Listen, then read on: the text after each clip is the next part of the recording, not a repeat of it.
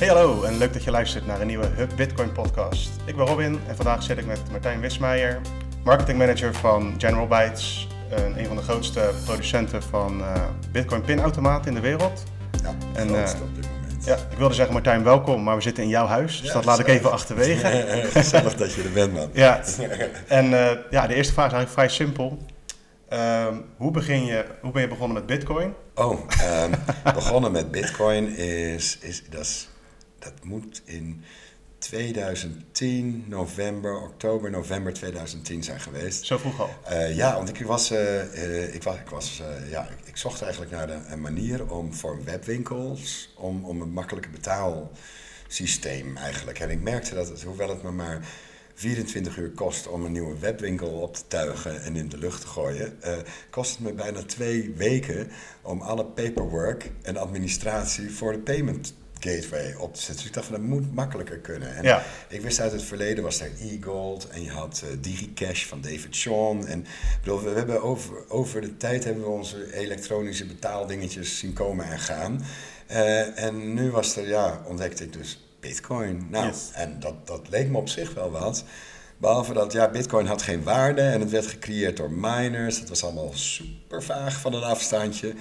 En uh, ja, dus waren het eigenlijk net flippo's en was het eigenlijk geen geld. En hoeveel was een flippo-verzameling waard? Dus ik heb nog even gekeken op Marktplaats. Nou, een flippo-verzameling, inclusief de limited edition bewaarmap. Ja, die is dus helemaal niets waard. En dat was mijn conclusie ook over Bitcoin. Was Ja. dus niets waard. Waar En, kwam je het tegen? ehm, Ging je ergens op ik- zoeken Ja, of ik was op LinkedIn aan het, aan het zoeken. En eh, ik zat even te kijken, LinkedIn, dat was eh, oud-collega's, ex-collega's van DigiCash. Mensen die werkten bij DigiCash in de tijd. David Sean, die was in de jaren negentig, was dat in de Science Park in Amsterdam. En wij zaten op dezelfde verdieping, we hadden een soort van ja, content production company. Eigenlijk was het gewoon een contentfabriekje, zou je dat nu noemen. Ja. Eh, en we maakten ja, een soort van online magazine over Amsterdam. En als we een kopje koffie wilden halen of ja, de faxmachine moesten gebruiken, dan moesten we die betalen met. eh, eh, eh, dan moesten we die altijd betalen met, met, met, met, met zo'n kaartje. En dat was dan DigiCash.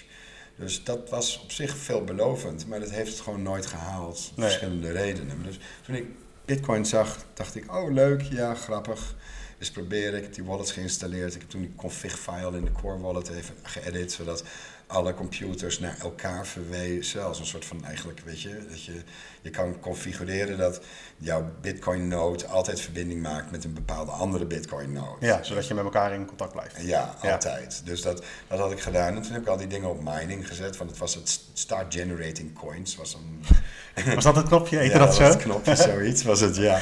En dan vinkje deed je daarna. En vervolgens vergat je over dat hele bitcoin. Mijn computer werd echt bloedheet. Ja, en toen ging je gewoon bitcoin minen dus. Ja. En toen kreeg je nutteloze, of tenminste toen de tijd nog... 50 nutteloze eh, bitcoins. Ja, en hoe lang, eh, hoe lang deed je dan als je een dag liet draaien? Hoeveel bitcoin had je Oh, dan? nee, nee, nee. Dat was, eh, dit was, eh, ik geloof in twee weken of zo heb ik toen 50 bitcoins gemaakt. Ja, oké. En dat was met een laptopje? En van dat was een laptopje. Ja, ik heb nog steeds ja, een hele oude Acer, zo'n pizzadoos model. gaat er iets anders aan toe nu, hè? Met grote mining farms en weet ik veel wat Ja, allemaal. dat, dat, was de, dat, dat- ja, dat was helemaal in het begin. En Maar, toen, en toen had je zoiets van, nou, ik heb bitcoin ontdekt. Ja, daar moet ik ook wat mee doen. Ja, wat ben je toen gaan doen? Ik ben satoshis naar mezelf gaan sturen. Echt heel dom. Klinkt heel zielig ja, eigenlijk. ja, maar er was niemand anders waar ik het mee kon uitgeven. De enige bitcoiners die ik kende, die zaten die dan via, dat was online. En die kwamen dan die waren eigenlijk allemaal uit Amerika, stuk voor stuk. Wat waren er hier? Nou, Het Erik Voorhees, Mark Andreessen. Ja, die kende je toen al? Ja, dat waren, dat waren eigenlijk de mensen die ik kende in Bitcoin. Ik kende niemand Bitcoin Nederland. Er waren er wel, want er waren eh, twee, twee IP-adressen. Ja, die, want op ik het had, netwerk. Ik had, ja, ik had alle IP-adressen proberen te verzamelen van, van Bitcoin nodes. Dus die kon je dan zoveel mogelijk kon je dat dan verzamelen en dan een, een, een geolocation lookup doen. Dus dan kon je kijken van ja, waar staan die nodes dan? Ja. Zijn dat dan die Bitcoiners? En dat was dan een één of twee in, in Nederland. Dus dat, eh, daar waren absoluut wel ook andere mensen mee bezig. Maar je was wel een van de eerste. Ja, ik ben een beetje, wat dat betreft ook een beetje een webdinosaurus. Dus eh, ja, ik ben er wel altijd zo snel bij. Ja, ja, En dan heb je op 2000, in 2010 kom je bitcoin tegen. En op welk moment had je zoiets van, wow, dit is echt heel vet en dit gaat Het misschien ik- de wereld veranderen? Ja, toen ik een paar keer dat overmaakte en ik besefte dat binnen in no time was eigenlijk die transactie confirmed. Toen dacht ik van hé, dit, dit zou wel eens wat kunnen worden. Ja. Vooral mijn reservering hoor, zo'n blockchain, dat wordt alleen maar groter en groter. En dat zal nooit werken op een mobiel. Nou ja, ik bedoel, toen kwamen de SPV van wallets, dus problem solved, weet je wel. Ja, je kan vrij makkelijk nu mobiele wallets gebruiken Heel natuurlijk. makkelijk, ja. De SPV-wallets hoef je ook niet de hele blockchain te downloaden. Nee, Dus dat gewoon, eh, dat was een kleine revolutie. Bijna plug-and-play Ja, nu. dat absoluut. Eh, nou, in eerste instantie waren er ook geen QR-codes. Je had alleen maar die rare adressen die je moest copy-pasten. Nou, dat, dat, dat zag ik ook echt als een... Als een Maar dat is meer user experience allemaal. Ja, wel. die was helemaal broken natuurlijk. Ja. Dus dat, dat, dat, dat, dat, met die QR-codes, dat was ook een goede fix voor mobile. Dus daar zijn toen wel, ja, ja dan kreeg je de paper wallets. Dat was uiteindelijk een prettige manier om, eh, eh, een veilige manier om dingen offline te bewaren. Dat was ook wel goed. Maar ondertussen was ik eigenlijk wel meer een deel van de coins er wel bijna kwijt, zeg maar. Waaraan? Waaraan was het kwijt? Eh, in eerste instantie fouten, programmeerfouten. Weet je, als je maakt iets en je, dan je maakt je transactie en dan, ja, dan als je een foutje maakt met je, met je wisselgeld of, of je, doet dat, je doet dat gewoon, ja, pff, de harddisk die kapot zijn gegaan. Ik heb ook nog eh, later nog een ATM met 11 bitcoins ben ik verloren. Dus niet, Ja. de harddisk was gewoon kapot. Ja, een hele goedkope SSD-drive. Oeh, staat hij toch nog opgeleid? eh? Ja, dat is eh, een hele goedkope SSD-drive. eh, waar je eigenlijk eh, niet van kan verwachten dat hij de hele blockchain gaat herkauwen. En vervolgens ja, zat best dus ja, 11 bitcoins weg. Dus ik ben op die manier ben ik heel veel bitcoins wel kwijtgeraakt. Ja. Ja, en als je dan... eh, je bent nu bij General Bytes actief. Correct, correct. Als marketing Ja, ik ben- manager. Eh, ja, ik ben eh, medepartner in het bedrijf en, en ben, doe de marketing. Ja. Eh, het, is, eh, het is opgericht door eh, Karel Kijowski. Hij is de, de, de, de oprichter. In 2013 is hij begonnen.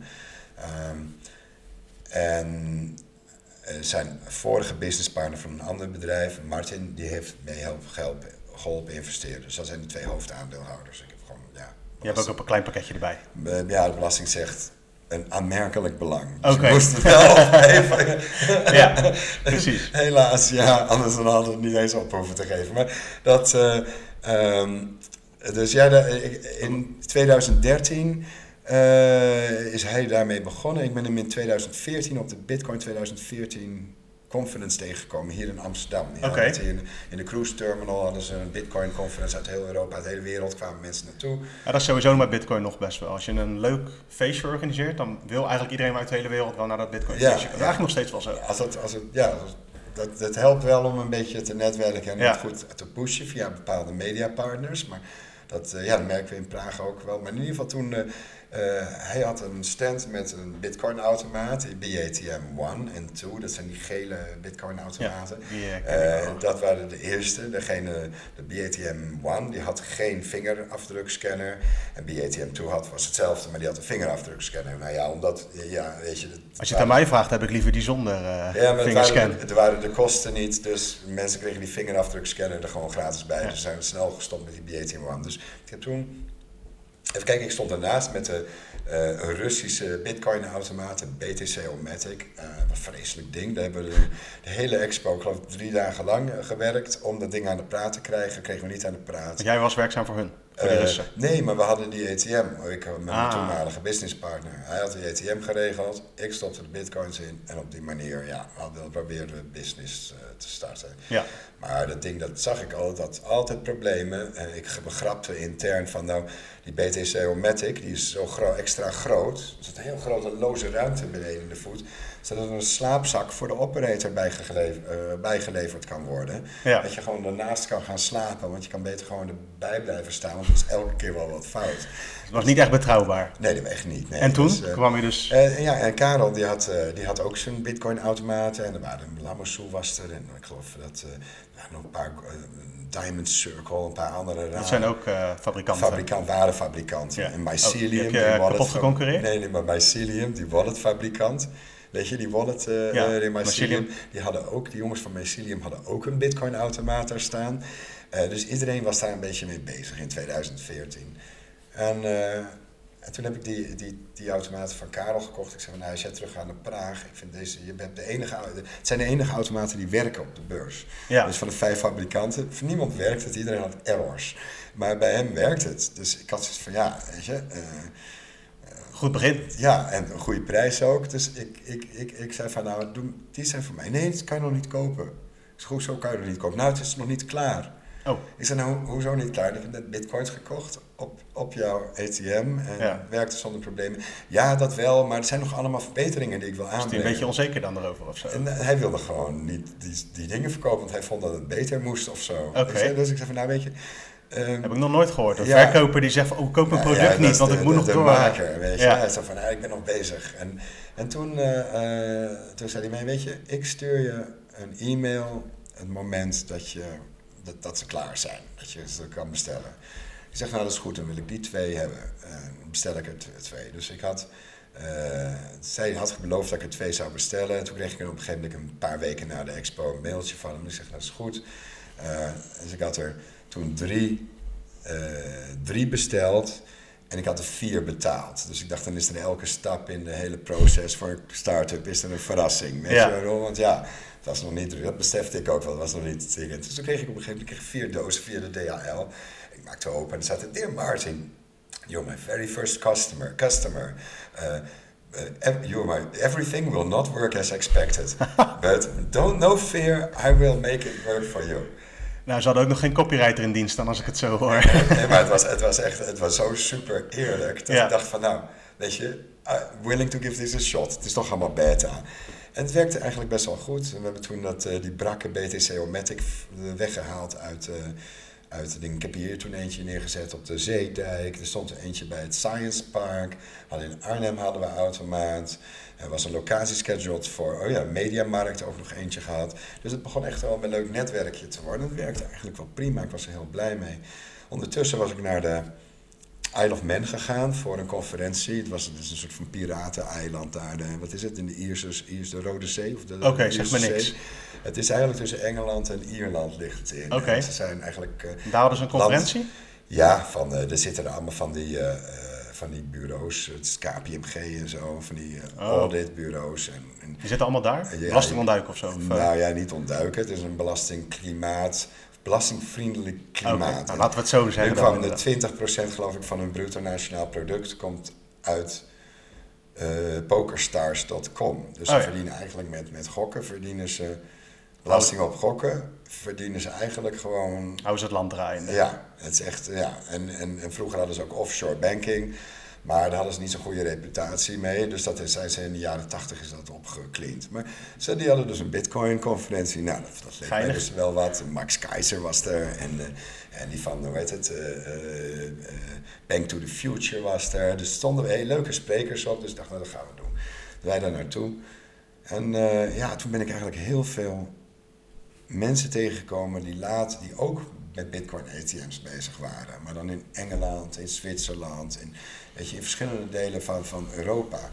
En, en eigenlijk, ja, dat zijn allemaal later allemaal klanten geworden van, van General Bytes. En op een gegeven moment heb ik bij elkaar op en zeg, hoe is het daar? Ja, dat gaat niet zo goed met de business, het zou beter kunnen. En, Dus zij nemen nu die pinautomaten bij jullie af in plaats van Ja. dat ze zelf maken. nou, zij, zij kochten van andere merken, kochten ze pinautomaten. En, ze, en ik werkte toen nog niet voor General Bytes. Ik was gewoon een onafhankelijke operator. En ik had elk merk ATM heb ik besteld.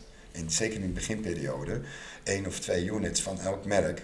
Want 90% kreeg ik toch niet geleverd. Het was net zoals met die, eh, wat is het, butterfly mining of zo. Ja, ja, ja. Dat was Cloud mining, cloud ik wat je allemaal mining, al die hebt. scams. Dat, Ja. Dus dat, dat kreeg je nooit geleverd. Dus ik, ik bestelde dan maar alles. Ja. Ja. En eh, Het is best wel een rare redenatie. Ik krijg het niet geleverd, dus ik bestel maar overal, want dan krijg ik overal dan niks. komt er uiteindelijk, kijk, als niemand wat krijgt, Ja. dan is degene die wel wat krijgt, ben je in één keer king of the hill. Ja. Dus dat was ja, een beetje de cost of doing business. En van sommige, ja, ik had een Lamassoe-apparaat besteld en dan moest, ik, dan moest ik echt heel lang op wachten. Ik heb drie jaar gewacht tot ik mijn geld terugkreeg. En, en ik heb echt, ik ben door, door verschillende eh, mensen bij, bij customer support gegaan die er ondertussen ook al niet meer werkten. Ja, En heel raar. Ja, weet Maar je, was dat dan een bewust eh, oplichterij of konden ze gewoon niet leveren?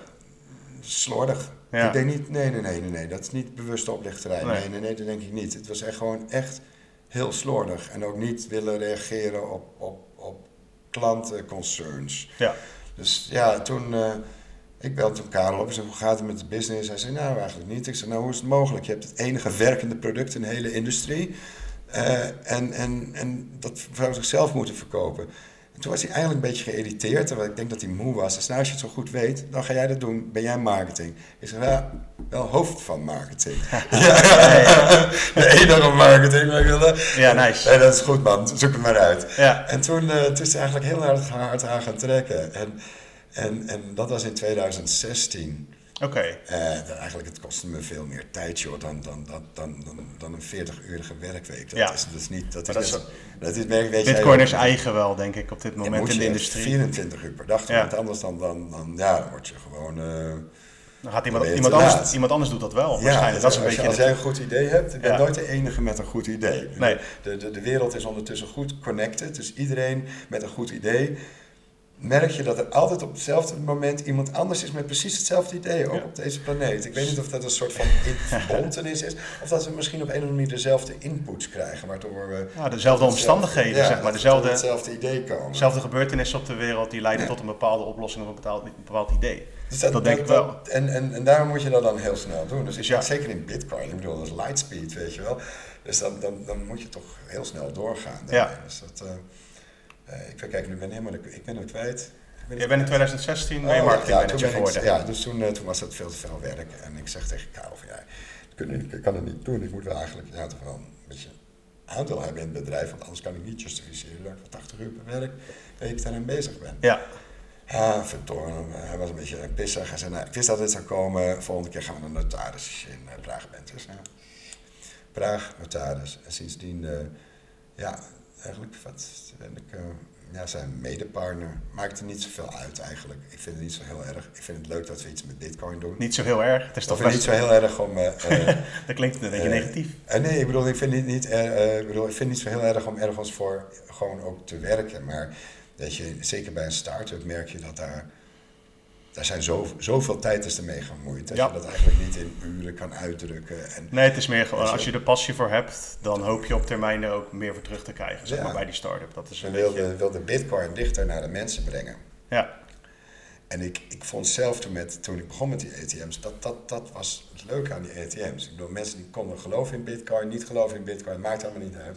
Maar als ze hun hard-earned euro's in het automaat stopten en ze kregen daar magisch internetgeld op hun telefoon voor Ja. terug, zonder uitzondering, iedereen die weet dan dat dat op de telefoon vertegenwoordigt een waarde, namelijk hoeveel, wat ik er net in heb gestopt. ja. en dus een ander soort geld wordt het dus. En een, Ja, dus dat is, dat, dat, is, dat is gewoon de link. En zo'n kiosk of ja, auto, betaalautomaat of geldautomaat of whatever de naam is. Eh, ik denk zelf meer een kiosk eigenlijk. Vind je dat een leukere naam?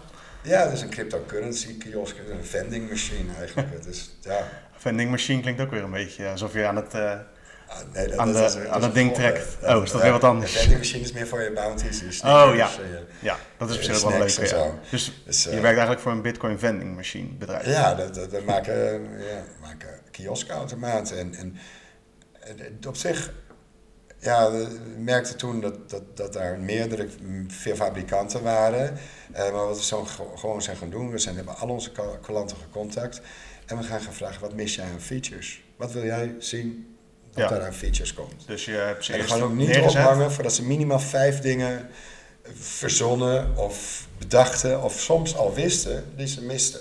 Ze hebben al die dingen opgeschreven en zijn gewoon echt gewoon heel erg naar onze klant gaan luisteren. Wat willen jullie aan features in die software hebben? Product verbeteren dus Ja, constant. elke keer, elke week een nieuwe versie uitbrengen, elke keer Ja. upgrade en die oude eh, ATM die kan in één keer ook B-coin of whatever coin Ja, Dus? operaten. Dus dat, dat, dat was een belangrijke eh, ding. Dus wij hebben dat eigenlijk toen twee jaar gedaan. En toen waren we marktleider. Eerst in 2016 waren we nog de vijfde, ja. vijfde fabrikant.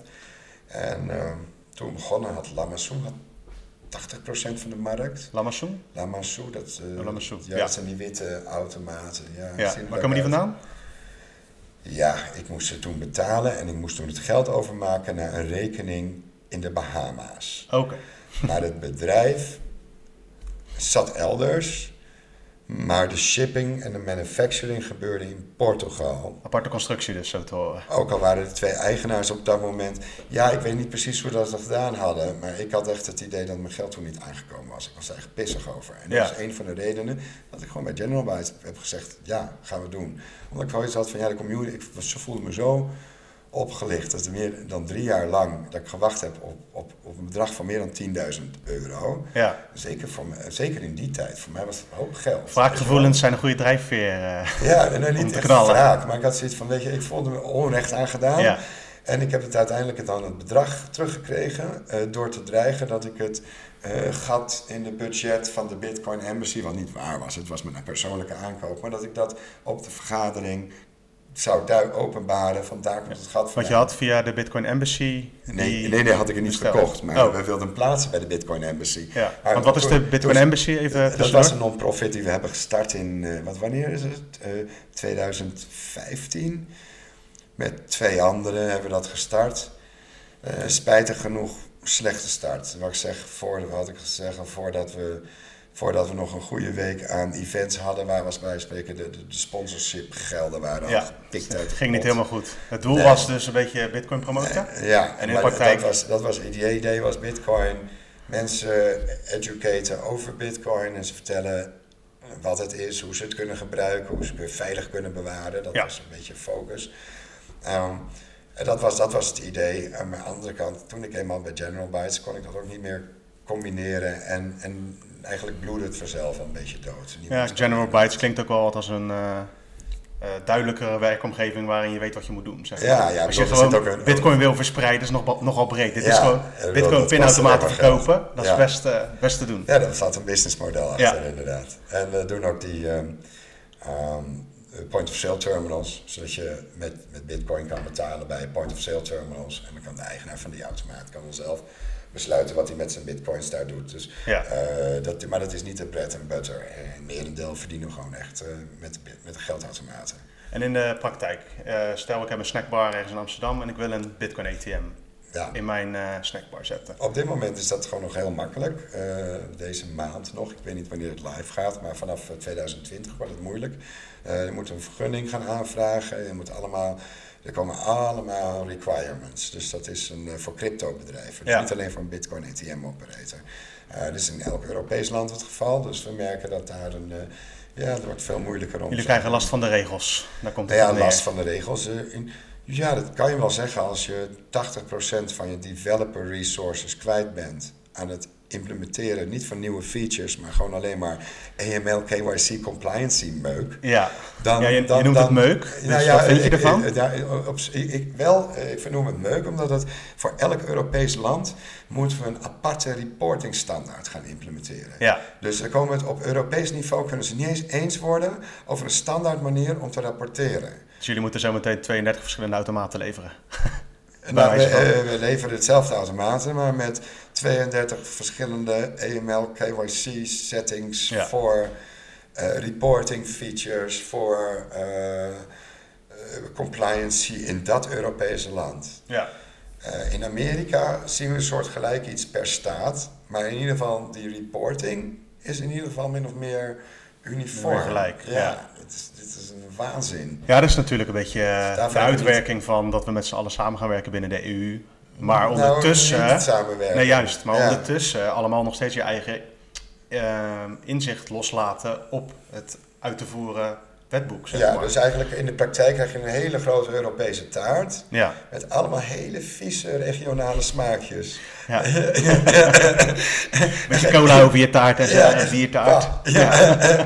dus ja, dat, dat, dat, dat, is, dat, is, ja, dus, dat is heel erg, vind ik heel erg jammer. Want ik ben die tijd en die resources, resources kunnen we maar één keer besteden. Dat doe ik liever aan, aan, aan ja, gedegen oplossing voor AML, KYC. Dan hebben we dat één keer geïmplementeerd. Kost minder tijd en het ziet er waarschijnlijk nog mooier uit. Ja. En het is robuuster dan, dan dat er voor elk land wat in elkaar gesleuteld moet worden. Dus Is het dat- dan een eh, idee, zeg maar, om te kijken naar, nou, moeten we überhaupt nog wel in alle landen in Europa willen leveren? Eh, ja, want we leveren overal. Ja, precies, dat maakt niet uit. We hebben nu afgelopen week, ik durf het eigenlijk bijna niet te zeggen, ik wil het ook niet aan een grote klok. Het is een Nederlandse podcast, dus kan het wel. Gooi maar. Eh, me- meer dan 80 automaten verkocht aan Hongkong. Kijk, Ja, die zie je niet, die zie je niet op de Coin ATM radar map komen. Nee. En die tellen ook niet mee in ons. het is heel belangrijk daar trouwens, Hongkong. Nu. Ik denk het wel, Anno want nu. het, eh, voor iedereen is dat plan B. Ja, dat is kijk plan even, eh, voor de mensen die niet weten, in Hongkong zijn er grote protesten aan de gang. Daar heb Begon- je ook wel behoorlijk onder een steen. Goed, toch maar even doen. Misschien ben je alleen met bitcoin bezig. Ja. Ja, miljoenen mensen over op de straat eh, ja, protesteren tegen het regime. En dat loopt flink uit de hand, even kort gezegd. En als je bij, de, bij het verzet zit, zeg maar, verzet is het verkeerde woord, de, de tegenstanders van het regime zit, dan eh, heb je de kans dat je bijvoorbeeld niet meer mag pinnen met je, Ja. pin, met je pinpas. Nou, dan is bitcoin misschien een oplossing. Ja, of je verdwijnt en, Ja. eh, naar het politiebureau en er wordt later gezegd dat je zelfmoord hebt Ja, gepleegd. heel toevallig. Beetje, Ja, dat is beetje heel, Epstein. Heel, heel, ja, Het is heel bizar, want mensen die dus, eh, die, die, die studenten, soms vaak nog kinderen, die Ja. daar gearresteerd worden, die schreeuwen heel hard hun naam.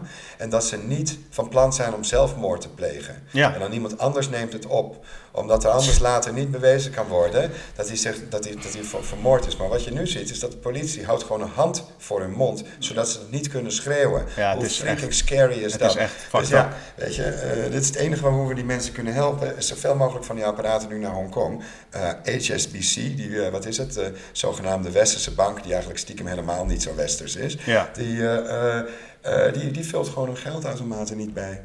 Nee, klopt. Dus dan hebben dan, mensen geen geld. Dus hoe kan je mensen onder druk zetten als je alleen nog maar met freaking WeChat kan betalen? Ja. En, en daarom is Bitcoin is gewoon plan B voor velen. Dus Ja. cash gaat in een Bitcoin Misschien wel plan A zometeen. Ja, nou, vind ik, ik denk niet. Ik denk, ben bang dat ze dat, dat, dat, dat, net zoals dat China wordt in eh, de Tiananmen Square, dat gaan ze met harde hand gaan Ja. ze dat indrukken. Ze hebben meer macht dan ooit. Dus ja, wat dat betreft is creepy. Scary, ja. Nou, ik vind, kijk, dit soort eh, gebeurtenissen, ik vind dat altijd heel, ja, het is überhaupt heel triest. Maar tegelijkertijd vind ik het altijd voor Bitcoin heel belangrijk om te benadrukken dat Bitcoin misschien wel, het lost niet alles op, maar het kan een manier zijn om het in ieder geval te verlichten allemaal. En ehm, ja, ik denk dat je met Bitcoin pinautomaten die fysiek zijn, daar best wel een heel eind mee kunt komen. Dat je gewoon, als je wil, kun je dus fysiek Bitcoin kopen. Kunnen ze dan ook contant geld in stoppen? Ja, alleen maar contant. Ja. Eh, we hebben eigenlijk geen modellen waar, waar een eh, chip of een pincard Oké, dus zit. allemaal eh, contant. De reden daarvoor is eh, chargebacks en fraude. Het, eh, nou ja, het financiële systeem is gewoon niet best wel heel makkelijk om dat te frauderen. Ja. Liggen, haal jij bij iemand een pincode en een bankpas uit de brievenbus en loopt er vervolgens mee naar een bitcoinautomaat, dan zou je dus het maximale limiet kunnen pinnen aan bitcoin eruit. En is er geen undo-button op de bitcoin-transactie. Ondertussen is er gestolen pas gebruikt om te pinnen bij een bitcoinautomaat. Oké, er staan wat foto's bij, maar een paar foto's van iemand met een hoodie. Ja. Good luck with that. Ehm, eh, dan, eh, dan is de operator is uiteindelijk de gebeten hond. Dus, dus om fraude tot nul, echt nul terug te brengen, is cash de enige manier, echt een goede manier om bitcoins aan te schaffen. Ja. Ik bedoel, dat is, dat is, dat is, ben ik van mening, dat is echt eigenlijk je hebt de verschillende hardheden van het geld. Ja. En, en cash is gewoon hard money in zoverre dat als ik jou betaal en jij geeft het niet terug, Ja. dan is het van jou. Ja, exact. En- Net als bij Bitcoin. Ja, en terwijl eigenlijk, ja, als je, net zoals bij Bitcoin, Ja. eh, met een paar confirms erop. Ja, Eh, bij Bitcoin is het nog, eh, Ja. nog minder hard dan cashgeld, zou je dan kunnen eh, en- stellen. en- en Bitcoin. Qua uitgeven dan. Eh, nou, nou, na zes confirmations kan je wel stellen dat Ja. het net zo hard is als, als cash geld. Even een uurtje Misschien nog wachten. wel harder dan cash geld, want, want je kan het ook niet met een, Nee. met een schroevendraaier van iemand terug eh, Nee, verkrijgen. dat is waar. Dus, terwijl eh, een banktransactie, zelfs één jaar na dato, is nog eigenlijk nul confirms. Ja. Het kan altijd nog teruggedraaid Dus worden. alleen de bank heeft ja gezegd, zeg maar. De banken zijn akkoord gegaan. Ja. Maar als ze, als, ze volgend, als ze volgend jaar nee zeggen... Volgend jaar zeggen ze nee, want nee, want. Ja, huppel. En eh, ja, En, dat, en dat, dat, is, dat maakt het, het, het, eh, het, het bestaande bankensysteem best wel zwak. En nu hebben we dan ideaal, ideal. Eh, in Nederland is dat een soft banking, in andere Europese landen. En dan dus maakt het wel beter en moeilijker om een chargeback te doen. ja. Nog steeds wel mogelijk. Dus Dus je, bent, je zijn er wel naar aan het kijken naar eventueel die betaal, met Ja, betaalpassen. maar Maar het is niet in, de praktijk gewoon niet handig. niet, niet handig, nee. Nee. Cash is king, wat dat betreft. Ja. En eh, dat, dat, dat, dat is voor veel en velen een doorn in het oog, omdat mensen in Nederland een soort van associëren contant geld met eh, onbehoorlijk of zo. Ja, net als bitcoin. Dus het is een heel raar hoekje Ja. zit dat. Alsof, alsof je, zeg maar, eh, als je bewust bent van je privacy en je geld, laat ik het zo Ja. zeggen, en je wil dat graag zelf Je hebben, gewoon dan is dat crimineel of Ja. eh, crimineel gedrag. Ja. vind dat zo'n onzin. ik, dat is, dat is, is iets wat ik een tijd terug heb gelezen. En dat was volgens mij van Arriva of zo. Een of andere topvrouw bij Arriva. En die was een quote in de krant. We, we, we willen naar een maatschappij toe waarbij het onbehoorlijk is om met contant geld te betalen. Nou, Ja. daar ben ik dus echt helemaal tegen. Daar krijg ik dus een rilling op Ja, ik ook. van. Want mijn vader is toevallig buschauffeur Ja, en eh, die hebben geen is- contant geld meer. dat maakt het wel veiliger. Juist, kijk, voor, eh, in dit specifieke geval voor een buschauffeur, want die werden best vaak overvallen. Ja, dat Dan kan ik me voorstellen op bedrijfsniveau dat je Ja. zegt van, joh, eh, we doen gewoon geen contant geld meer, want dat is te gevaarlijk. En Maar stop. dat is, en dat is iets heel anders dan zeggen, ja, we moeten van alle contant geld af. Want Ja. als je geen contant geld, wat er nu aan de hand is bijvoorbeeld met de Europese Unie, die ook, of ECB die ook een digitale euro wil uitbrengen, weet ik het allemaal dingen. Ja, dat is een shitcoin. een eigen Ja, maar shitcoin. echt. Als je dat, als je dat niet meer fysiek kan, print, eh, kan pinnen zo Ja. meteen, dan, is, dan ligt de weg open voor één of twee verkeerde verkiezingen en een totalitaire staat. Ja, Even ja, extreem heel- gezegd. Heel slecht Het is heel eng. Kijk, eh, de, die, die, die, die blockchain is zo geweldig helemaal niet. Het is een noodzakelijk kwaad, omdat anders de, ja, de dubbele transacties daar zouden zijn. Ja. Eh, de double spending probleem daar zou zijn. Maar het is wel, wel, wel eh, als je, je kan het ook inzetten om een soort van iedereen te controleren. Ja, En dat dat, is- dat wat je nu ziet bij sommige bedrijven zoals Chain Analysis, Cyphertrace. Het zijn allemaal bedrijven die niks anders doen dan op de blockchain te staren om te kijken wie, wie, wie ben jij? Ja, en En daar waar- hun diensten verkopen aan Waar koop overheden. jij op vrijdagavond je kroketje Ja. uit de muur? Of je, je, je biertje of je Kijk, koffietje? aan de andere kant is dat een goed recht, want het is openbaar. Ja, dat is openbaar. Dus, en als we dat niet willen met z'n allen, dan moeten we daar wat op verzinnen. Ja, eh, dat- dat- ik denk dat dat moeten we ook niet willen, want dat, dan, krijg je op een gegeven moment dat... Sorry, eh, jouw bitcoin moet ik niet, want er zit een luchtje aan. Ja, precies. Die is bij Hongkong langs geweest. Ja, precies. Dus dan, zijn, dan krijg je dus dat het een, een, dollar is, een euro is niet meer een euro. Ja. Als je dat, dan, dan, dan gaat, de, gaat de currency ten onder. Ja. Dus het is, is voor, voor, voor overleven van bitcoin is van vitaal belang dat daar, ehm, dat daar toch een soort van anonimiteitslayer... Nou ja, kijk naar Lightning. Eh, ik denk als je de Lightning Channel opent, dan is het eigenlijk al niet meer te tracen. Ja, Ja, ja. gewoon, eh, Het openen is even te tracen. En daarna in principe, in theorie kunnen wij, als wij nu allebei een Lightning Channel openen naar elkaar met een node, nou dan is het in principe kunnen wij ons hele leven pingpongen naar elkaar Ik eh, denk met dat satoshis. misschien een van de redenen is dat bij Chain Analysis bijvoorbeeld... eh Chain Analysis dat daar nu 20% van de workforce eruit Ik las het ja en eh, crypto Twitter was blij. Prima. ja, ja dit is, ik vind hebben, eh, ik vind, wat ik kwalijk vind eraan, is ze hebben heel vaak dat ze iets vlaggen, vlag, flaggen als potentieel verdacht. Ja. En het is gewoon een false positive. ja, En dat vind ik heel kwalijk. ja, dat, dat moet eigenlijk niet kunnen. Nee, Nee. dat als, als dat ook maar, ook maar een beetje in, bij twijfel, twijfel, weet je wel. Ja. Maar niet zeggen is verdacht. Bij het, Want, bij het voetbal hebben ze dan de VAR, hè? Dan eh, laten ze een cameraatje ja, kijken precies, en dan pas een beslissing maken. Ja, ja, ja, dat is. eh, ja.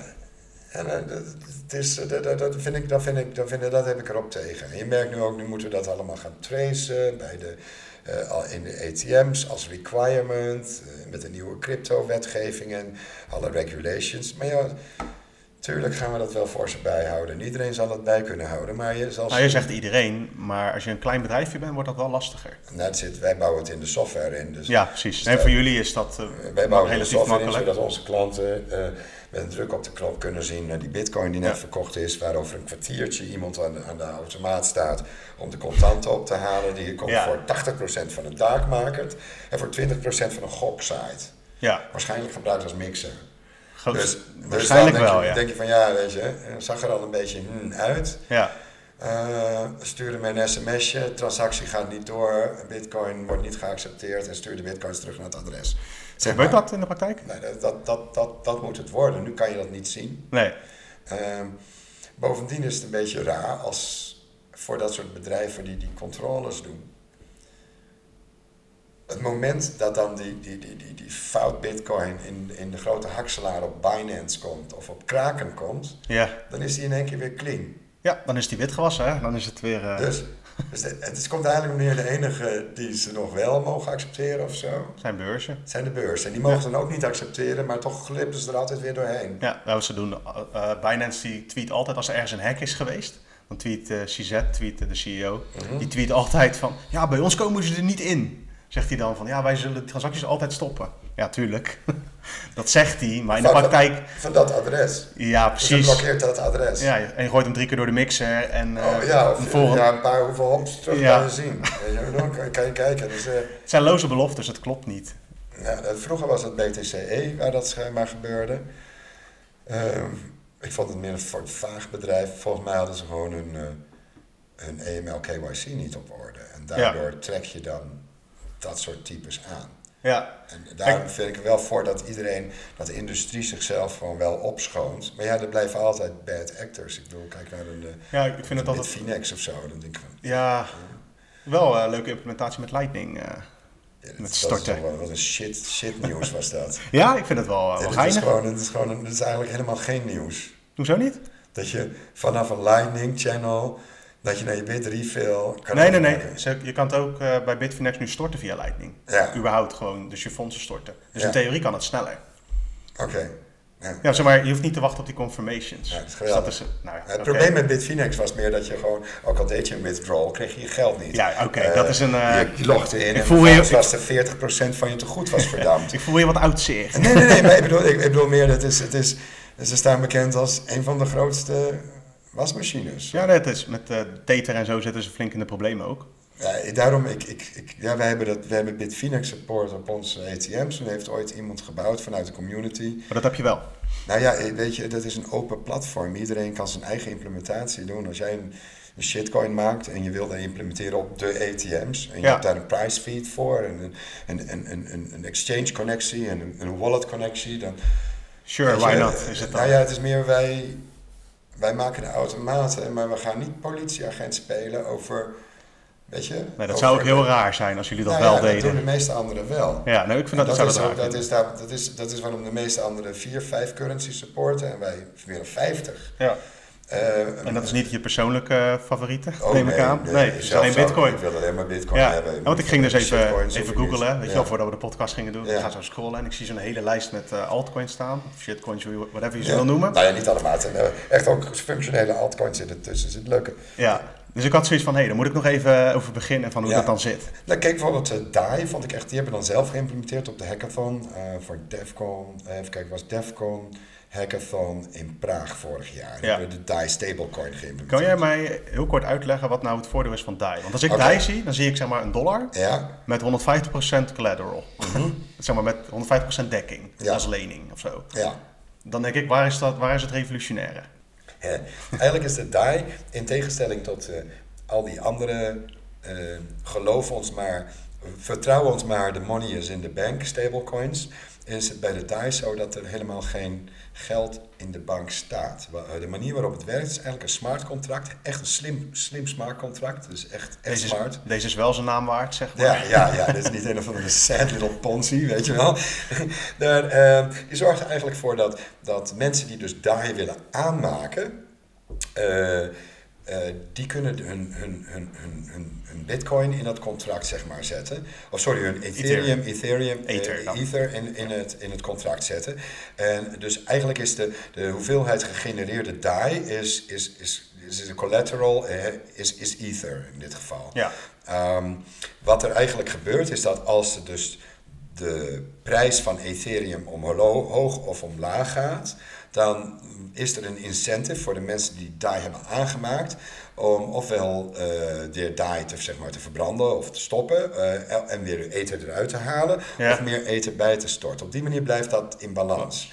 Eigenlijk sinds de introductie van de DAI is Ethereum alleen maar zwaar onderuit gegaan. Die prijs is Ja. gewoon echt gewoon echt best wel heel erg gekelderd. Ja. Niet heel erg snel, maar het is gewoon een steady decline. En als je ziet dat DAI, ondanks dat, nog steeds Die dollar die, waarde die relatief waarde goed vasthoudt. heeft, is Ja. best, dat vind ik best wel heel knap. Eigenlijk vind ik de enige stablecoin, die, die ik eigenlijk, enige stablecoin waarvan ik zeg, ja, dat klopt, dat is die DAI. Al die andere dingen is weer een soort van trust us. Dus als jij op zoek bent, om wat voor reden dan ook, naar een tijdelijke stablecoin, dan zou jij tijdelijk even in de DAI gaan zitten. Ik, ik, ik, ik doe, dat niet. Ik, ik doe dat niet. Nee. Ik ga niet. Want als ik dit zo hoor, dan denk ik altijd van ja, maar waarom doen alle exchanges dan niet gewoon de DAI je ziet veel hebben het geïmplementeerd, maar het is, het is een token op Ethereum, dus je zit weer, je zit weer met ja. lastig, gedoe. lastig gedoe, gedoe. Dus ik snap best dat als ze al eten, Tether en, ze hebben een eigen uh, shitcoin hebben ze gemaakt die stable is, ik noem geen namen verder, maar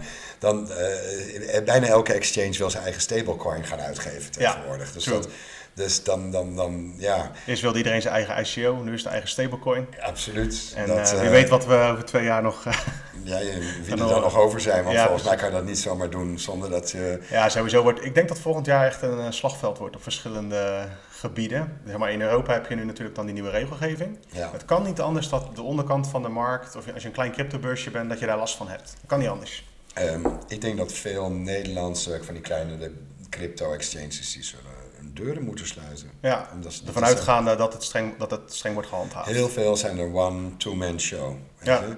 En dan kan je niet nog eens een keer een derde aannemen om alleen maar je compliancy te doen. Nee, dat is gewoon, dat, is dat slaat nergens op. Nee.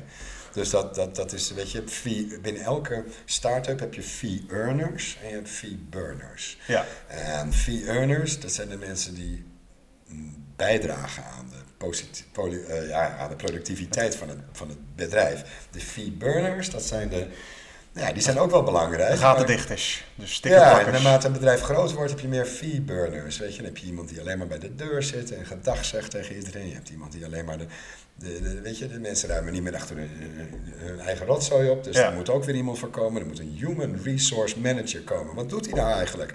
Behalve de mensen tevreden houden, hè? De ruzies sussen tussen ja.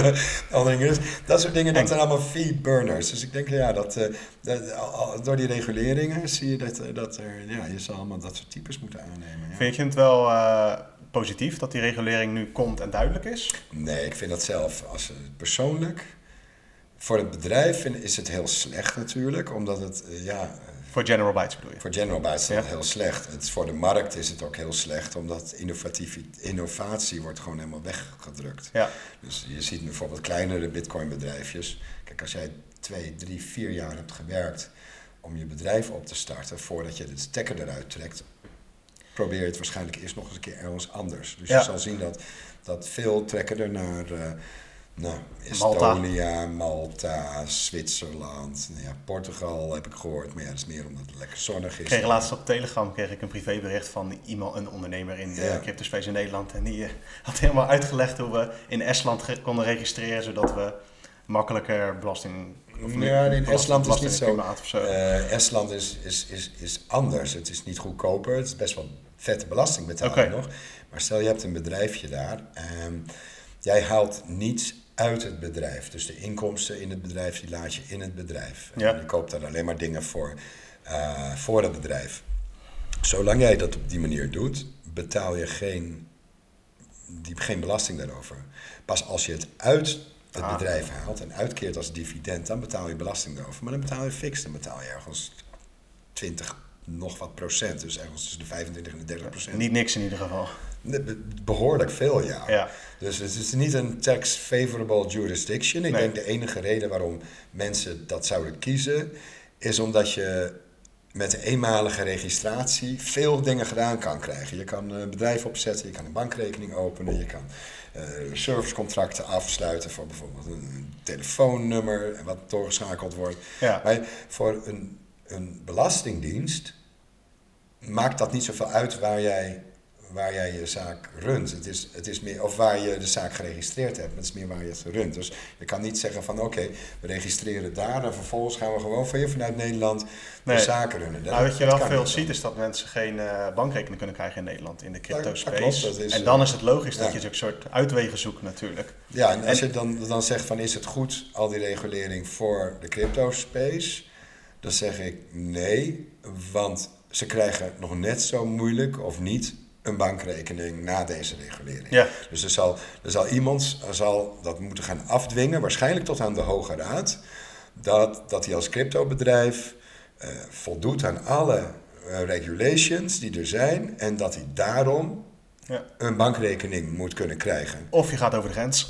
en dat, dat, die weg kiezen veel mensen nu, denk ik. Eh, ja, maar over de grens wordt het ook in Duitsland is het steeds moeilijker nu. Uh, Tsjechië wordt het heel moeilijk ook. Dus overal wordt het moeilijk, moeilijk. Dus... Ja, ja wat op zich is wel een logische ontwikkeling in de zin van uh, wat Bitcoin belooft te gaan doen, is heel logisch dat er van allerlei kanten tegengas wordt gegeven natuurlijk. Ik heb altijd zoiets bij dit soort dingen. Ik zie het ehm, meer als een soort van proberen het kartel. Ze proberen het, bankenkartel op te duwen. Dat zie je in Duitsland het meeste. Nee, maar we proberen juist van het bankenkartel af te gaan. Want de afgelopen decennia is dat, is dat best wel, heeft best wel voor problemen gezorgd. Dus ja, we moeten... We best wel voor problemen? Ja, ik bedoel... Zacht uitgedrukt. Als gat uh, onder ja, een understatement. Maar... Ik heb altijd als Bitcoin dit niet, als de Bitcoin space, de crypto space, hoe je het ook wil noemen, niet, dit soort dingen niet kan overleven, dan altijd nooit bestaansrecht, zeg maar.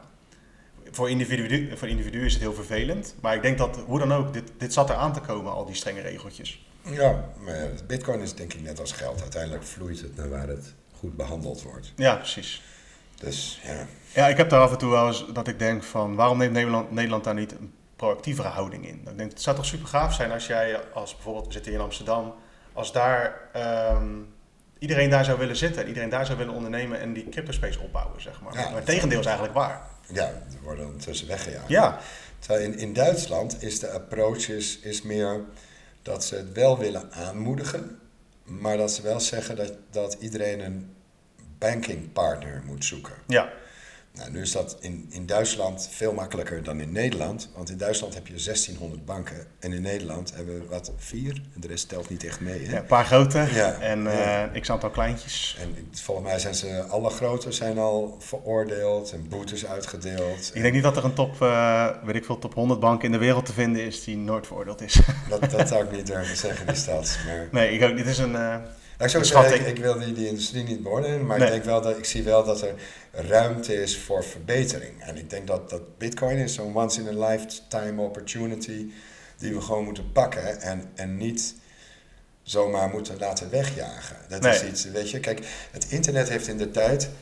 Vroeger, ik weet niet, ken je Wired Magazine? Dat is zo'n. Van naam. Ja.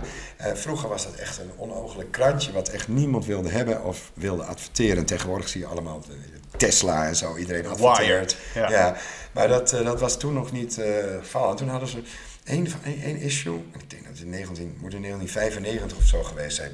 Dan hadden ze zo'n G7-top, uh, zo'n groepsfoto, weet je, met ja. van die pingwings op een rijtje. Maar die hadden ze dan omgekeerd.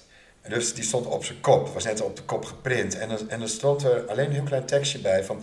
In the future, the, the most powerful will be less powerful. Thanks to the internet and the World Wide Web. Ja. En dat is, is tot op heden is dat uh, ja, geworden.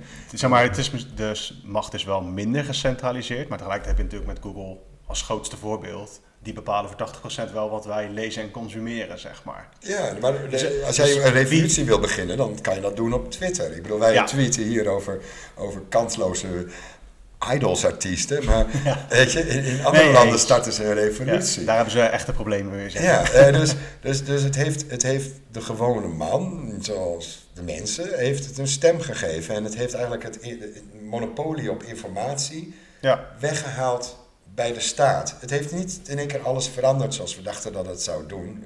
Alles zou helemaal, het zou nee. een revolutie zijn en de wereld zou helemaal veranderen. Ik bedoel, heb je, heb de wereld is flink veranderd, maar het is... Niet zo snel. Nee, het heeft toch wel bijna 30 jaar geduurd. De gemiddelde Nederland eet nog steeds een broodje pindakaas, zeg maar. Ja, ja, precies. Ja, maar een broodje pindakaas kan ook niet zomaar opgeven. Nee, precies. Dus, dat, dus eigenlijk, de, ik denk dat door die macht, monopolie op informatie weg te halen bij de staat... Ja hebben we een maatschappij gecreëerd waarbij ook de staat, maar ook andere, bijvoorbeeld politie, meer op zijn hoede is en op zijn tellen zal letten. Omdat iedereen nu een camera in zijn telefoon heeft en het desnoods direct gaat, gaat sharen. Ja, dus waar de informatie wel vrijer is, zijn we misschien wel banger aan het worden weer. Of zo. Door al die informatie. Het, de informatie is, is veranderd. Vroeger als je, dan hadden we de, de krant of het nieuws, dat was het nieuws. En, en dat was sequentieel. Dus je kreeg de krant, je had de pagina 1 tot en met 16. En dat was van heel belangrijk naar minder belangrijk en ja, de strips aan het einde. Ik vind dat wel echt een voorbeeld, dat is nu wel beter. Nu heb je een muur van informatie. Ja, maar moet... het is aan de lezer om te beslissen ja. wat is nep en wat is goed. Eh, wa- wat, is, weet je, wat is nou werkelijk hier aan de hand? Door verschillende sources te moeten Ja, combinen. En als je dat niet kan, dan, Dan heb je een ben probleem. je gewoon niet compatible met de huidige informatiemaatschappij. Dat klopt, maar tegelijkertijd, als je dat toen de tijd ook niet kon, want eigenlijk kon, kon bijna niemand kon dat niemand toen, dat. Toen was het eigenlijk nog minder. Was het, was er geen probleem, want je las gewoon op de krant. Bitcoinmagazine.nl vind ik een goed voorbeeld daarvan. Ja, en Gewoon- bedoel, je leest het en je hebt in principe al je nieuwsdingetjes. Ja, voor Bitcoin. Maar het is wel vanuit onze, onze visie en ons, ons Bitcoin-brilletje is het. En dan klopt, is maar het. als, als iemand wat leest en ze denken, nou, verhaal zeg, lees ik Bitcoin Magazine. Ja. Nou, eens, eens even googlen, eens even Ja. googlen. Ik oh, hmm, hmm, ik lees hier ook wat op Coindesk of ik lees ook nog wat. Dus ook, Ja. kan je, je kan zelf verifyen of iets. Ja, dat is hartstikke mooi, toch? Ja, en dat, dat kon vroeger niet. Vroeger Nee. stond het, het stond in de krant, dus het is waar. Terwijl we weten dat de krant is ook maar de wereld gezien door de bril van de journalist. Ja, je ziet het nu als, eh, als wij bijvoorbeeld stukken lezen over Bitcoin, bijvoorbeeld het Financieel Dagblad. Ja, Nou, dat is gewoon een eh, relatief respectabel medium in Nederland. Ehm, daar staan gewoon fouten in de Bitcoin-stukjes. nou, En ik denk dan altijd van, oké, ik weet wat van Bitcoin en ik weet een beetje van voetbal en een beetje van games. En bij al die dingen die ik lees, ontdek ik foutjes. Dus als ik verslaggeving lees over, een, eh, over de oorlog in Syrië, ja. dan gaan bij mij al die dingen dat ik denk van, nou, hier zullen ook wel foutjes in staan. En dat, Ja, dat, dat, dat denk ik ook, ja. en dat is het voordeel van het internet. Je kan dat nu achterhalen van wat verschillende bronnen zeggen en daar je eigen draai aan geven. Alleen het probleem daar weer mee is, als je er een te grote eigen draai aan geeft, dan ga je Ja. weer allerlei gekkigheid geloven. Ja, dat vind ik wel gekkies. Ja, Eh, eh, maar het, hetzelfde doet Bitcoin met geld. Door, door, door nu de geldcre- macht tot geldcreatie weg te halen bij iedereen, niemand. bij de overheid, zeg maar. Want daar komt het eigenlijk. Nou ja, de overheid, niet eens de overheid, bij Nee. de banken. Want de overheid die creëert het geld niet. Nee, Het zijn heeft er, alleen ba- heeft er wel baat bij dat het Ja, want je moet van die shitty government bonds moet je kopen. Wat is het? Eh, staatsobligaties. Als de je begroting als eh, niet kopen. gedicht kan worden, dan moet je toch even printen. meer van die meuk gaan, eh, gaan kopen. Dus, het- wat dat betreft, ja, je- de banken mogen alleen maar spelen omdat ze die overheidspapieren kopen. Daar komt het eigenlijk op Ja, neer. ik, heb dat, ik heb het al vaker uitgelegd, ook toen ik bij de CryptoCast van BNR was. Bitcoin is voor mij gewoon heel duidelijk, want het is gewoon 1 plus 1 is 2. En dat is de boekhouding, even simpel gezegd. Ja, En vroeger als ik bij economie eh, zat, dan, ik begreep er gewoon niks van. Er werd geld gemaakt, er kochten ze staatsobligaties van. Die worden ook Ja. weer uit het niks gemaakt. Ik begrijp, Ja. nog steeds, dag van vandaag, ik hoor wat er gezegd wordt en ik zie de systemen, maar ik snap niet hoe dat kan werken. Op lange termijn. weet je, de- iedereen betaalt uiteindelijk de rekening voor het niet presteren van een overheid. In Ja. verleden hadden we de, de Italiaanse lira, nou, dan- of de Poolse zloty, ik weet het bestaat volgens mij nog. Dan ga je naar de supermarkt om je wekelijkse boodschapjes te doen, ben je echt miljoenen kwijt. Ja. Maar hoe komt dat? Omdat die overheid gewoon nooit zijn boekhouding heeft kunnen doen. Ja, in de praktijk zie je het in Venezuela natuurlijk nu. In Argentinië begint het eh, Ja. echt. Oh, ik heb een briefje met 100 bolivar. Oh, cool. Ja. Nice. Ja. Heb je die, eh, die heb je waarschijnlijk voor meer gekocht dan dat die waard is in een winkel. Eh, ik heb gekregen van Oh. Ja, de beste bolivars, die krijg je. Nice. Ja. Ja, we hadden ooit een, eh, een tijdje terug een artikeltje op uh, bij bitcoinmagazine.nl over... eh, er waren iets van zeven of acht landen waar de cent een min- minder waard is dan een satoshi. Ah ja, ik heb er ook een Twitter-post een tijdje over gemaakt. Het is ja. inderdaad een leuk, Ja. eh, leuk want dat, zeg maar, voor ons perspectief denk je van... Ja, satoshi kan, kan geen cent zijn voorlopig in ieder geval. Nee, dat is gewoon niet denkbaar. landen. En daar is het al zover. Ja. Dat de kleinste unit daar is minder waard dan een Maar satoshi. het waren wel shi- shitcoins. Het was gewoon Iranian dollar. Ja, Iranian in rial Venezuela. En eh, Zimbabwe natuurlijk. Oh ja, ja, ja. Maar eh, het is om aan te geven dat er dus al plekken op de wereld zijn waar een cent. eh, ja, dan, dan begrijp je beter wat een Satoshi waard is voor die mensen. En, en, en, en bitcoin is, is eh, de euro is maar twee keer zo oud ongeveer als de bitcoin. Ja, precies, dat Dus- valt best mee. Ja, dus de bitcoin staat ook alweer Ja. best wel een tijdje. Dus Klopt. Ja, maar dat, dat begint ook langzaam nu, want je, eigenlijk komt er steeds een soort van nieuwe generatie aan nieuwe bitcoiners bij. Jij was een van de ja, eerste dat, ja dat, dat klopt. en je ziet een soort van die golf steeds opnieuw Dat is grappig dat je dat zegt. Dat, va- dat valt mij ook op. Eh, nieuwe, nieuwe ondernemers, nieuwe podcasts, nieuwe enthousiasts. En nu met Lightning merk je gewoon een hele nieuwe groep die daarop springt. Ja, Dat, eh, ja, ik vind dat op zich wel leuk, ja. ja. Ja, Bitcoin. Wel, het zet me wel aan het denken hoor. Dan denk ik van ja, weet je, ik word een beetje een, beetje een blockchain-dinosaurus. ja, ja, ja, ja. Bitcoin of blockchain dinosaurus, kies maar. Bit- Bitcoin, Ja, Bitcoin. beter, hè? Ja, ja. Ja, nou, maar tegelijkertijd is dat, ik denk dat dat, eh, ja, ik ben dus in 2015 ongeveer eh, begonnen met Bitcoin. En dus ik zit er wel al misschien wel langer in dan het ja, gemiddelde in ieder wel geval. Voor de, voor de, voor de, voor boeren. Ja, precies. Ik heb, eh, kon in ieder geval leuke meubeltjes aanschaffen voor een appartementje. Ah, chill. Weet je dat? Niet meer dan dat ook, maar Nou ja, dat, ehm, eh, je ziet een andere manier van denken, zeg maar. Ook bij mezelf. Want als ik naar mezelf terugkijk, toen ik begon was het echt eh, hey, bitcoin eh, en geen geld Ja. bij banken. Dat was een beetje waarom Ja. ik bitcoin tof vond. En winstverdubbelaar. En Ja, de koers omhoog, toen dacht ik, oh, Wow. een nieuwe bitcoin moet ik ook hebben. En bijna iedereen gaat door die fase heen. En uiteindelijk zie je dat dan op een gegeven moment raak je in een bepaald. Je komt met mensen in contact of je leest het een en het ander. Je luistert een bepaalde podcast. En dat je denkt van. Jezus, waar heb ik mijn geld in gestopt? Wat een onzin. Ja. En bij mij Ja. is dat eh, ja, vorig jaar ergens gebeurd. Dat ik echt zoiets had van: oké, het is Bitcoin. En de rest, misschien dat er andere leuke dingen gebeuren met een blockchain. Dat kan. Maar Bitcoin en die revolutie, dat eh, nieuwe geld, dat vind ik het interessantst. Ja. En daar wil ik me graag op focussen. En ik heb het idee dat dat een steeds grotere groep wordt. Die focussen op Bitcoin. Ja, ik denk ook als je naar de, ehm, de, de- die anderen, die zijn er eigenlijk alleen maar, het is alleen maar afleiding. En, en, en vaak alleen maar mooie praat.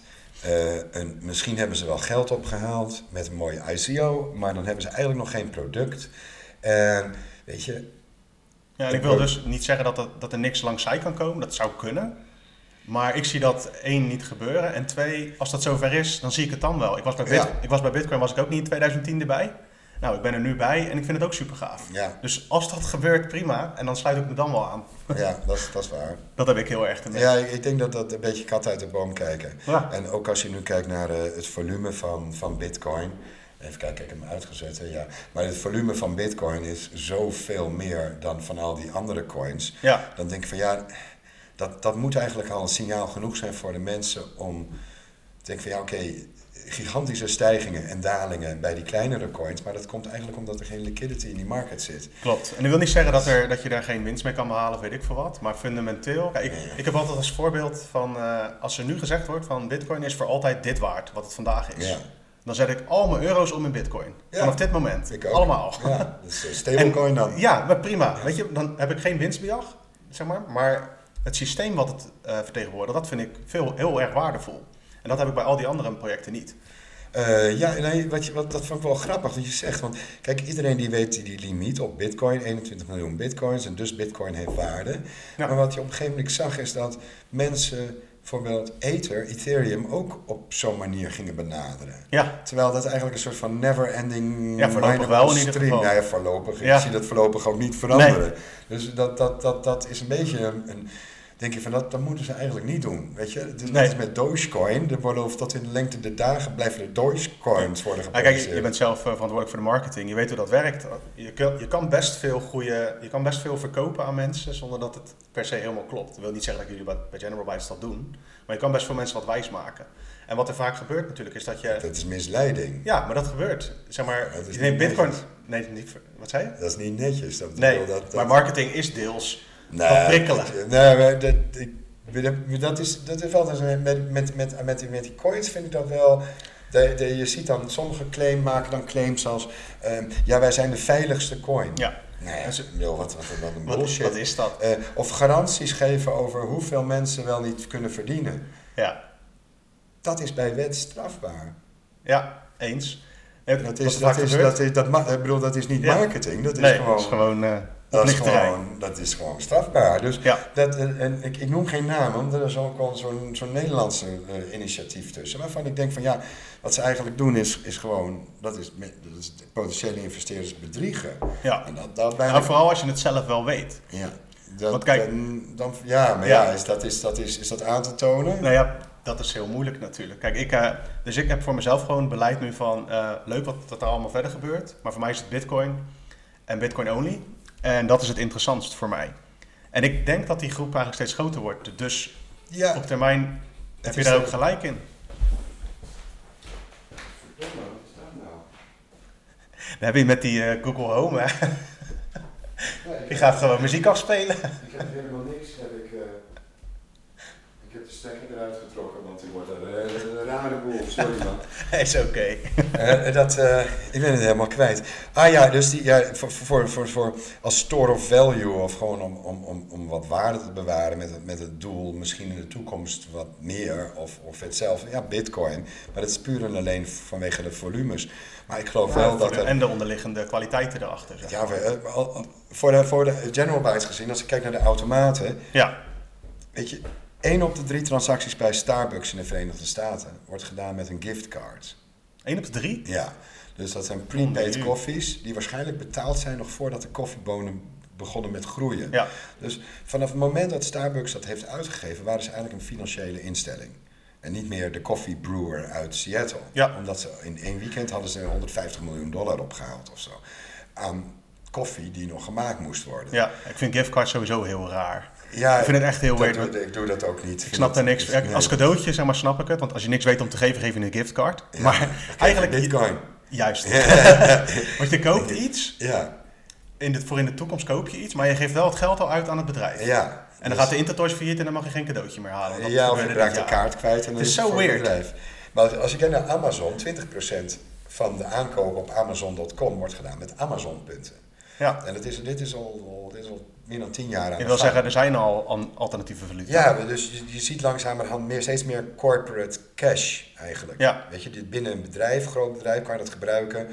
Dat heeft de waarde van gewoon geld. Dus heeft het waarde. Ja. Eh, ik denk dat veel dat het administratie achter zoiets is, is vaak een beetje een nachtmerrie. Dus dat moet, kan je alleen maar doen als je een heel groot bedrijf bent. Maar kijk in de toekomst. Ik heb vaak Efteling genoemd als voorbeeld. Stel, Efteling wil af van alle cash binnen hun bedrijf. En nou ja, het koppelen aan bitcoin, dat is een beetje lastig natuurlijk. Want mensen komen daarvoor voor de elfjes en, en het tover, toverbos of whatever. Ja. Die komen er niet voor een, een, een lesje Oostenrijkse Austrië. Die Nee, niks. wel super interessant trouwens. Ja, maar dat, dat, dat, dat, dat, dat, dat klopt niet. Dat Nee. klopt bij mij niet.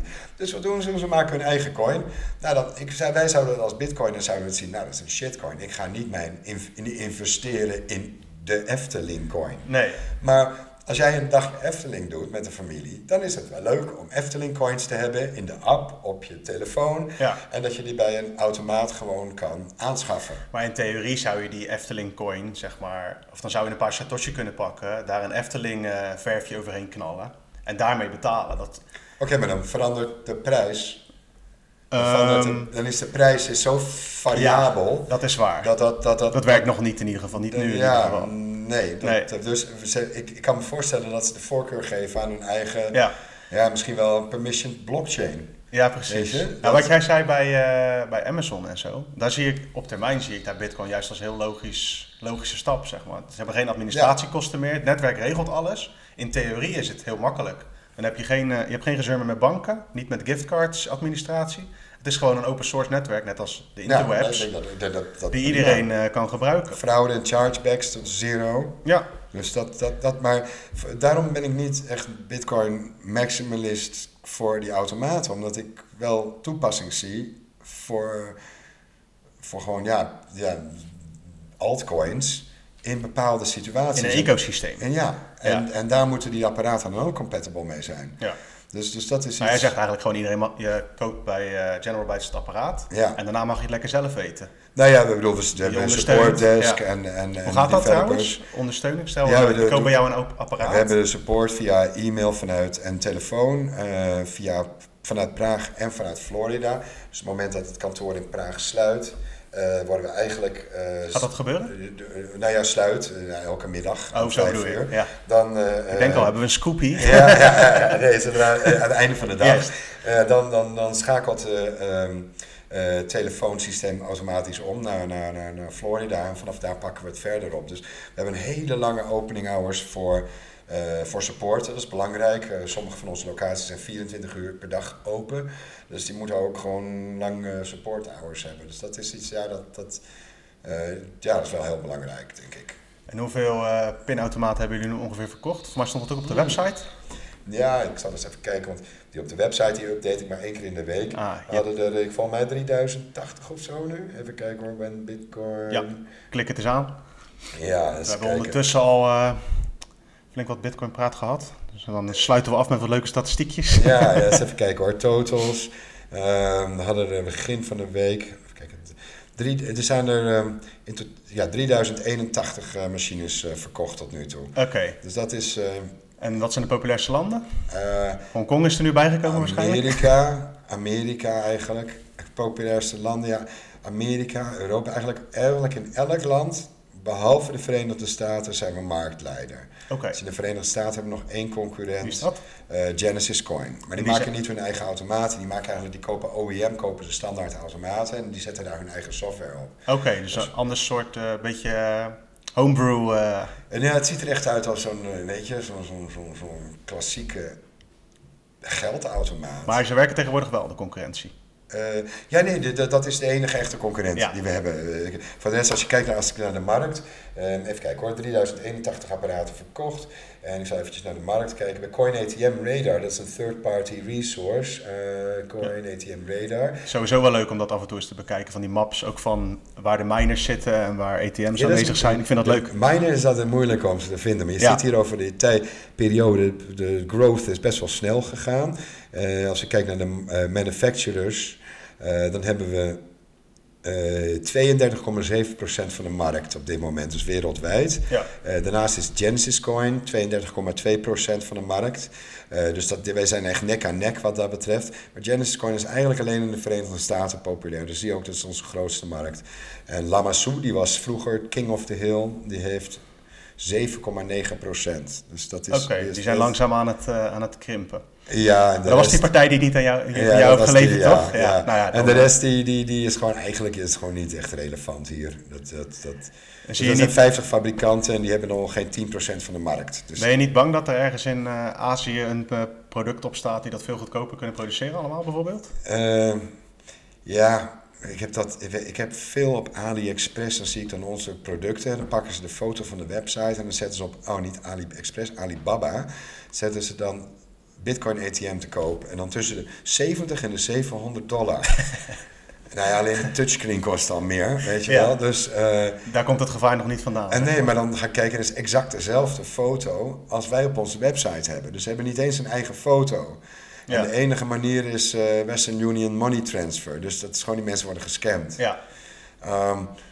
Ja, want dan valt me op dat er eh, uit die kant nog niet zoiets, eh, zo'n grote partij is. Terwijl je Kijk. op allerlei andere vlakken, je noemt een Alibaba, de, die zijn daar druk mee bezig wel. de, het maken van het apparaat is denk ik niet de grote challenge. Het is de software erachter. De core business is het ja. software eigenlijk, niet het omhulsel. Even simpel We maken software. Ja, Software die, die de handel doet voor crypto-transacties. ja. Meer dan 50 coins en meer dan 30 exchanges. En any coin die je kan imaginen, kan erop gesupported worden. Dus dat is, dat is het core product. Maar de manier waarop dat gebeurt is met ATM's. Dus die ATM's die maken we weliswaar zelf, maar dat is niet, dat is niet waar. De grootste waarde magic- zit in de software. De, meeste IP zit inderdaad in de software. ja. En hoewel ze hardwarematig misschien wat kunnen, kunnen eh, concurreren, is de enige manier om in prijs te concurreren, is om lagere kwaliteit componenten te gebruiken. Ja. Dat is de enige manier waarop de Chinezen met ons in prijs kunnen. Of stapels tot aan het plafond op en verkopen ze heel goed. Of dunner staal, slechter besloten, eh, dodgy touchscreen, eh, wonky computer met slecht Ik memory. wel horen dat je met marketing bezig bent. Nee, nee, maar, nee, nee, nee, we hebben we te vaak. We hebben Ja, te- weet ik. Ik we zit- hebben- ik zit te In het hebben we ook eh, eh, eh, Droid, OEM Droid machines, kastjes gekocht. Ja. Om daar een conversiekit voor te bouwen. En er kwamen we gewoon achter dat hoewel de hardware relatief goedkoop was, eh, was er eigenlijk al voor storage was er heel goedkoop memory gebruikt. Ja. Eh, met het gevolg dat het steeds langzamer wordt. Als je daar dan Android op neemt, wordt het steeds langzamer. En op een gegeven moment werkt het gewoon helemaal niet meer. Dus het is, het is eh, voor ons heel belangrijk dat we, die, die goede, dat we goede componenten gebruiken. Maar ja, dan, dan kan je er ook niet meer op besparen. Nee. Dus als, je, als het puur alleen de hardware namaken is, dan kan je dat niet. Dan kan je niet dat, ik weet, dan kan een ander kan dat eigenlijk bijna niet Weinig marge op te pakken. goedkoper leveren. Ja. Oké. En het is een software die ze niet kunnen kopiëren, want die is toch wel met een license key beveiligd. Dus het- het- we hebben het, ik zeg niet 100% afgedicht, Nee. maar... Het wordt heel lastig het- om Ja, eh, de, de, de de- troon- die mensen die, die willen een apparaat namaken, maar uiteindelijk als ze dan een apparaat hebben gemaakt, dan hebben ze een metalen kast en een touchscreen en dan, ja, ja, en dan? ja, exact. Dus concluderend, eh, jij bent met General Bytes in contact gekomen omdat zij de enige waren die goed konden leveren. Ja, toen En- wel, zeker. Nu hebben, hebben jullie dat met z'n allen zo uitgerold dat je dat ook wereldwijd kan blijven doen. Ja, twee fabrieken nu. En de ERP-systeem, dus alle components erin. We hebben voor elke ETM hebben we 70 leveranciers. Dus we hebben voor 70 leveranciers voor onderdelen. Dat kunnen hele kleine dingetjes zijn, zoals bijvoorbeeld een uh, klein metalen plaatje wat net iets afdicht. Ja, ja, ja. Of een, een LED neon strip, maar ja, die moet ook van kleur veranderen, dus een klein controlebordje. Uh, dus we hebben voor, voor, allemaal van die leveranciers. En, en en er is er altijd wel eentje die problemen heeft met leveren. Zeker in de tijd toen we exponentieel nog groeiden. Dat, dat, dat, Van de leveranciers bedoel je? Ja, er was er altijd wel eentje die niet kon leveren. Want ja, volgende, vorige maand bestelde je er 100. En dan? Heb je dan een backup of is het dan wachten? Dat is dan, dan, toen was het dus echt wachten. Ja. En maar nu kunnen we die, die, die, die potentiële bottlenecks, die kunnen we veel eerder in de, in de productietraject kunnen we die, kunnen die, ja, aanzien komen. Ja. Uh, en daarop bijsturen. En dat, dat, dat heb ik gewoon gemerkt. Dat, productieproces goed onder controle te krijgen, de marge op je producten, gewoon je, je, je productmarge zo te houden, dat oké, aan de ene kant, we kunnen eigenlijk kunnen we niet eens meer niet eens veroorloven om een korting te geven. Ik bedoel, zo straks zijn die marges. Ja. Maar het is wel zo. was geen Black Friday bij jullie? Nee, nee, nee, dat hebben we vorig jaar gedaan. Daar komt geen hond op af. Ik bedoel, Black Friday, geldautomaten inslaan. Ja. Dat is ook een beetje maf. Ja. Maar dat uh, we toch geprobeerd vorig jaar, maar dat was nee. Uh, dus het. Uh, de, door, daar, door, die, door die marges heel klein te houden, voorkom je ook dat een derde partij in één keer jouw markt kan gaan pakken. Ja. En, en waar, waar, wij maken dan onze uh, automaten zelf. En onze grootste concurrent Genesis, die maakt dan niet hun automaten zelf. Dus hun marges zitten op de, uh, de eigenlijk de eenmalige verkoop, maar ook op een hogere fee per transactie. Oh, die pakken zij mee? Ja, en wij pakken een, een kwart van daarvan. Dus wij zijn 75% goedkoper daarin. Ja omdat wij ook nog onze eigen automaten maken. Dus we hebben wat dat betreft een wat betere positie voor de langere termijn. Maar ja, ik, ik ben blij met, met wat concurrentie op de markt. Het, uh, dat is alleen maar goed, toch? Soms komen ze met leuke features, die gaan we dan echt onmiddellijk ook inbouwen. Zijn we, we, zijn niet altijd de origineelste, maar we zijn gewoon wel de snelste. Wel. Ja. Elke feature kunnen we inbouwen. Ja. en dat, uh, dat, dat, Alles in één pakket. Ik denk dat dat is ook, dat is ook als je een crypto bedrijf begint, is het belangrijk naar je klanten te luisteren een, een, een redelijke prijsstelling te hebben. Want ik bedoel, iedereen kan rekenen, zeker als ze in crypto zit. Dus iedereen voelt wanneer ze worden opgelicht. Weet ja. je? Dus zorg dat je een redelijke prijsstelling hebt. Dat het ook helder is voor de klant hoe je die, tot die prijsstelling bent gekomen. Blijf luisteren naar je klant. En met, met, als er een keer weer de volgende bull market is, ga niet te snel scalen. Niet opschalen, te snel in ieder geval. Want, want, want dat scale down is nog veel moeilijker. Ja. en ja, wij maken dan onze eigen automaten. Maar als het enigszins mogelijk is, maak een Bitcoin bedrijf wat echt alleen maar werkt met software. Want de schaalproblemen, scaling problems, die krijg je veel, veel ma vele malen erger. Het moment dat je hardware hebt. Ja, dat je productiefaciliteiten hebt. En dat je dan, uh, ja, dan kan je niet zomaar weer een scale down doen. Want ja, de, de, de machines die staan allemaal te draaien. En dus als je, als je een Bitcoin bedrijf begint wat echt alleen maar software-based is, dan kan je zeggen van oké, we doen wat meer cloud instance, spinnen we op, wat Docker containers, boef, we zijn nu in één keer tien keer zo groot. Ja. Uh, oké, je moet support extra gaan inhuren, maar dat kan je vaak nog wel dat sneller... Freelance basis, relatief losjes allemaal oplossen. En, en, dus jouw advies is eigenlijk... Uh... Ja, wij zitten in hardware, maar mijn advies is doe geen hardware. Ja, jij, jij, jij wil gewoon geen concurrentie. Nee, nee, nee, nee, nee, nee, dat, is, dat is het niet. Ik bedoel, concurrenten hebben we zat. Hebben wat dat betreft dat is wel wat ik ervan geleerd heb. Het is wel het leukste, denk ik. Omdat, ja, ik, vind het, ik ben gewoon een maker. Ja, je hebt echt iets in je handen. Ja, ik moet gewoon iets maken. Maar het, ik heb wel zoiets van... Het is... Uh, maak je eerste bitcoin bedrijf een software-only bitcoin bedrijf. Ja. En zodra die werkt, een scale, een helemaal de grote automatische moneymaker is, wat het eigenlijk nooit automatisch gaat, dat weten we allemaal, er is altijd wel wat wat omvalt, ga dan iets doen met hardware. En dan, uh, dan merk je dat de kans is ook veel groter dat, dat je het ook overleeft na vijf jaar. nice. Martijn, ik wil je bedanken voor de, hey, bedankt voor de podcast. Bedankt voor de, ja, nou gezellig. Ja, ik vind, ik vind het echt heel leuk. Waar, waar, kunnen, waar kunnen we jou volgen? Op Twitter? Oh, uh, ik zit op, uh, zit op generalbytes.com. Uh, op Twitter ben ik tweet, T-W-I E-T. was je ook vroeg bij, dat kan niet anders dan. Uh, ja, ik was de eerste tweet, want anders was hij al genomen natuurlijk. ik had eigenlijk geen doel voor Twitter. Ik, heb toen een plantsensor gemaakt die als hij dorst had, doorgaf via Twitter dat hij dorst had. Dus ik dacht van nou, dat kan hij mooi in 140 karakters doen. dan heb ik uiteindelijk een toepassing voor Twitter. Ik nice. vond het zo nutteloos. Maar oké, okay, rest, ja, General Bytes op Twitter. Uh, op Facebook zijn we ook General Bytes. En als je vragen hebt of zo, of je wil gewoon wat meer weten, er zit een contactvorm op, op de uh, op de website. Die kan je gewoon invullen en uh, kan ook in het Nederlands. En dan uh, beantwoorden we zo snel mogelijk je vragen. Dus. Alrighty. Nou, top. Thanks. En, en bedankt voor de podcast. Hoi, hoi. Hey, tot ziens. Hoi. hoi.